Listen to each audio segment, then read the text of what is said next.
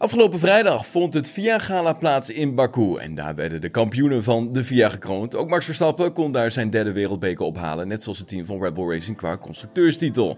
Sergio Perez sloot het Formule 1 seizoen als vice-kampioen af en ontving daarvoor zijn bokaal. Uiteindelijk pakte Lewis Hamilton de derde plaats, maar die liet zijn trofee uiteindelijk staan.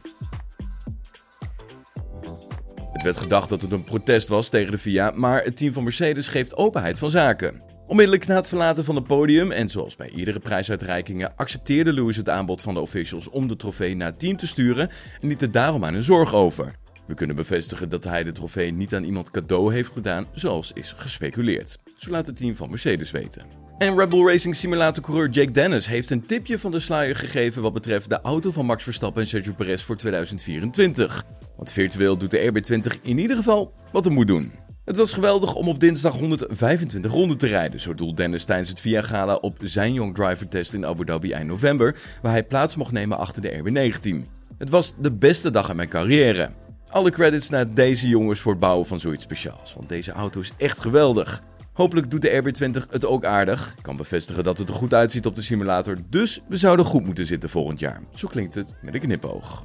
En volgens Daniel Ricciardo moet Alfa Tauri in 2024 niet meer worden gezien als juniorenteam. Lange tijd werden talenten klaargestoomd bij het zussenteam van Red Bull Racing, maar dat imago, ja, dat behoort volgens de Australiër tot het verleden. Of het nu Max Verstappen, Sebastian Vettel of Ricciardo zelf is, Alfa Tauri heeft in de afgelopen jaren veel coureurs afgeleverd aan Red Bull Racing. Dat zal in de toekomst wellicht nog steeds wel zo zijn, maar het accent moet volgens Ricciardo meer op het eigen team gaan liggen. Volgend seizoen zal AlphaTauri vermoedelijk als Racing Bulls door het leven gaan en daar hoort ook een nieuw imago bij. Ja, binnenkort zal bekend worden wat de nieuwe naam van de AlphaTauri zou zijn, want de deelnemerslijst van het Formule 1 kampioenschap wordt dan bekend. AlphaTauri gaat onder leiding van CEO Peter Bayen en teambaas Laurent Marquis een nieuw tijdperk in, waarin het team ook meer onderdelen van Red Bull Racing zal kopen. Ik heb het gevoel dat we de goede kant op gaan, zo zegt Ricciardo tegenover motorsport.com. Dus eerlijk gezegd kan ik op dit moment niet veel meer vragen. Het is nu duidelijk hoe we snel nieuwe onderdelen voor de auto kunnen krijgen.